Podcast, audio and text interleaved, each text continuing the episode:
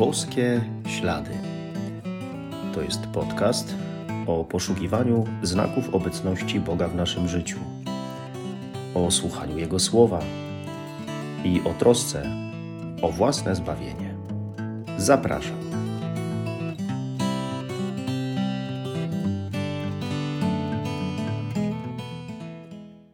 Witam serdecznie. Szczęść Boże. Ponoć ksiądz Bosko często zachęcał ludzi młodych do tego, żeby byli radośni. Być może, że nawet mówił e, te słowa, które gdzieś e, często są powtarzane w naszych środowiskach salezjańskich. Bądź zawsze radosny. Na pewno jednak księdzu Bosko e, w trosce o młodych zależało na tym, aby żyli radośnie i się nie smucili. Tyle tylko, że nie chodziło o zwykłą radość. Można by było w skrócie powiedzieć, że chodziło o radość duchową. Jest coś takiego jak salezjańska duchowość młodzieżowa. To określony styl życia. A jednym z wyznaczników, składników tej duchowości jest radość i optymizm. Salezjańska duchowość młodzieżowa to duchowość radości i optymizmu. Co ważne, żeby powiedzieć bardziej precyzyjnie, to duchowość radości paschalnej i optymizmu. O co tutaj chodzi? No o to, że nasza radość ma swoje źródło w zmartwychwstaniu Jezusa. Ma swoje źródło i wynika z jego przejścia ze śmierci do życia, z tego, że Jezus pokonał zło, grzech, śmierć szatana. Zrobił to dla nas. I to właśnie świętujemy w każdą niedzielę. To uobecniamy we mszy świętej. I ta prawda, to co zrobił Jezus, daje nam optymizm i daje nam niezmąconą, głęboką radość, taką, której nic nie jest w stanie nam zabrać. Taka to jest duchowość radości paschalnej i optymizmu. Taki styl życia. Posłuchajmy słów Ewangelii według świętego Łukasza. Gdy Jan nauczał nad Jordanem, pytały go tłumy: Cóż mamy czynić? On im odpowiadał: Kto ma dwie suknie, niech się podzieli z tym, który nie ma. A kto ma żywność, niech tak samo czyni.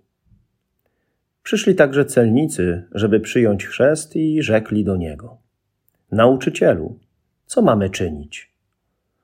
On im odpowiedział: Nie pobierajcie nic więcej ponad to, co wam wyznaczono. Pytali go też i żołnierze: A my co mamy czynić? On im odpowiedział: Na nikim pieniędzy nie wymuszajcie i nikogo nie uciskajcie, lecz poprzestawajcie na waszym żołdzie.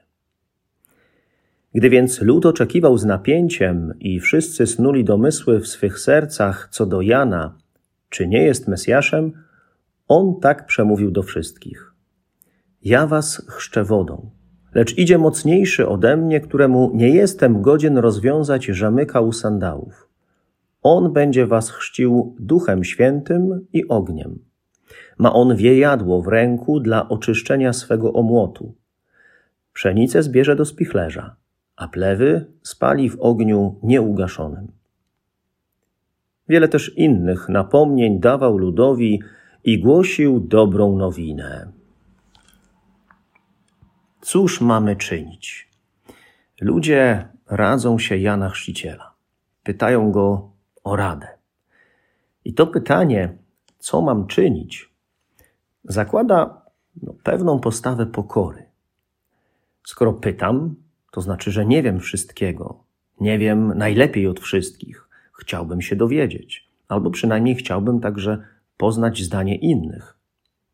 To pytanie, albo lepiej taka postawa, jest jakimś warunkiem nawrócenia, jest warunkiem zmiany życia, bo to pytanie świadczy także o postawie otwarcia się na innych, na Boga. Boże, co mam czynić? Powiedz mi proszę, doradź mi. Może przez usta człowieka, którego stawiasz na mojej drodze życia. Pytajmy o radę przede wszystkim Pana Boga, Ducha Świętego na modlitwie, w Słowie Bożym, bo ono daje nam konkretne wskazówki do życia. Ale pytajmy też innych, tych, którzy mogą nam coś mądrego podpowiedzieć, tak jak Jan Chrzciciel podpowiedział różnym osobom, celnikom, żołnierzom. Ten, komu się chce, zawsze szuka czegoś więcej. Pyta, jest aktywny, chce coś zrobić ze sobą, ze swoim życiem.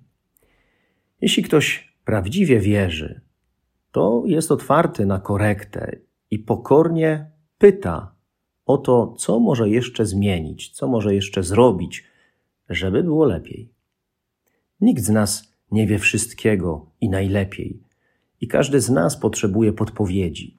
Zresztą ktoś z boku może mi wskazać na taką rzecz, której sam w sobie nie dostrzegam. I te rady Jana Chrzciciela dla tłumów, dla celników czy żołnierzy nie były też jakby niczym niesamowitym. Proste podpowiedzi, jak ta, żeby się podzielić tym, co się ma. Ale czasami my prostych rzeczy nie widzimy. Prostych rozwiązań nie dostrzegamy, a szukamy nie wiadomo czego. W dodatku, czasami takie właśnie proste, a jednocześnie konkretne rzeczy jest nam najtrudniej wykonać. A no właśnie. Jeśli skorzystam z rady czyjejś, rady Pana Boga, to może się to okazać momentem przełomowym w procesie mojego nawrócenia.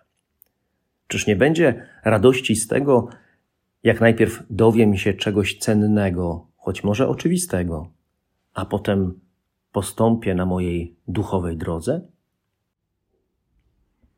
Radość duchowa. Radość duchowa jest największą radością. Jest prawdziwą radością, która ma swoje źródło w Panu Bogu. Taka radość jest darem Ducha Świętego. Taka radość nie jest tylko chwilowa, ale trwała i może istnieć mimo zmartwień, problemów czy cierpień. Dlaczego tak się dzieje? No bo Bóg, z którym żyję w stałym kontakcie i od którego wszystko zależy, zacząwszy od tego, że moje życie od Niego zależy, On wszystko prowadzi. On jest również celem mojego, naszego życia po śmierci. A radość połączona z pokojem serca jest Jego łaską. Nikt nie może dać nam czegoś takiego. Dlatego ta niedziela, trzecia niedziela Adwentu, jest niedzielą radości. Zaprasza nas do radości z tego, że mamy Boga, że Bóg jest nam bliski. Refren psalmu z tej niedzieli jest taki: Głośmy z weselem, Bóg jest między nami. A w drugim czytaniu słyszymy: Radujcie się zawsze w Panu. Pan jest blisko. Jesteśmy wezwani do radości. I świetnie rozumiał to święty Jan Bosko i dobrze potrafił przekuć to na wychowanie młodych ludzi. Mówił im: Dla nas świętość polega na tym, że jesteśmy radośni.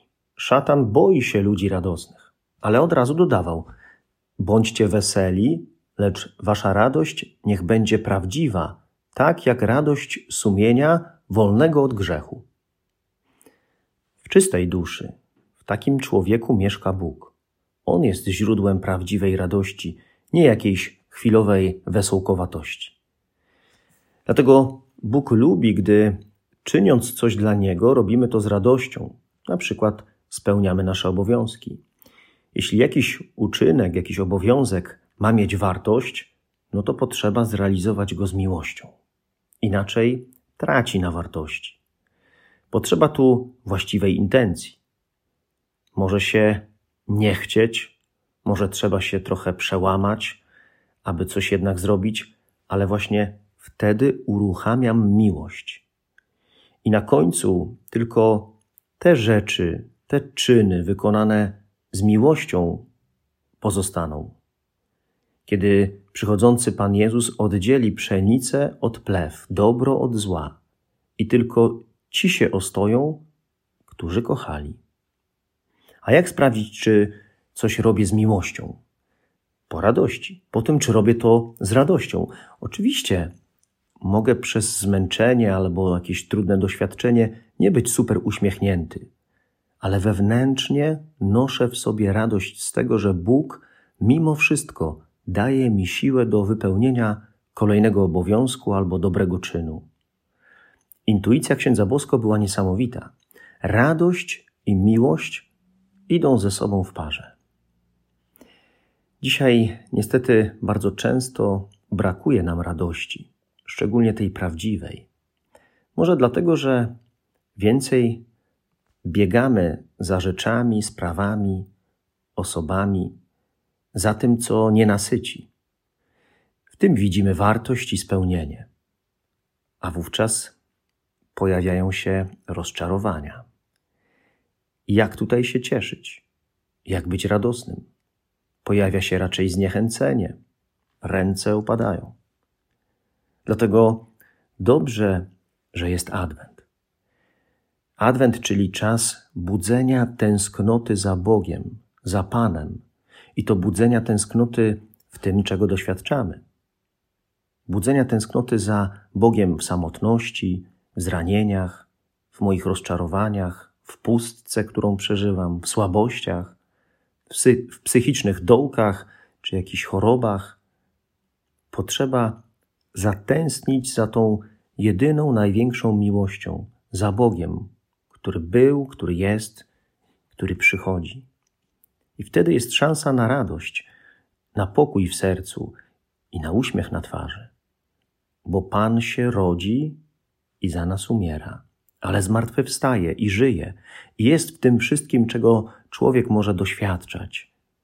Może tylko potrzebuje odkryć to, że Pan jest, a On jest naprawdę blisko. Bóg jest między nami. Dlatego jest nadzieja i może być też radość. Tylko czy ja naprawdę za Nim, za Bogiem tęsknię?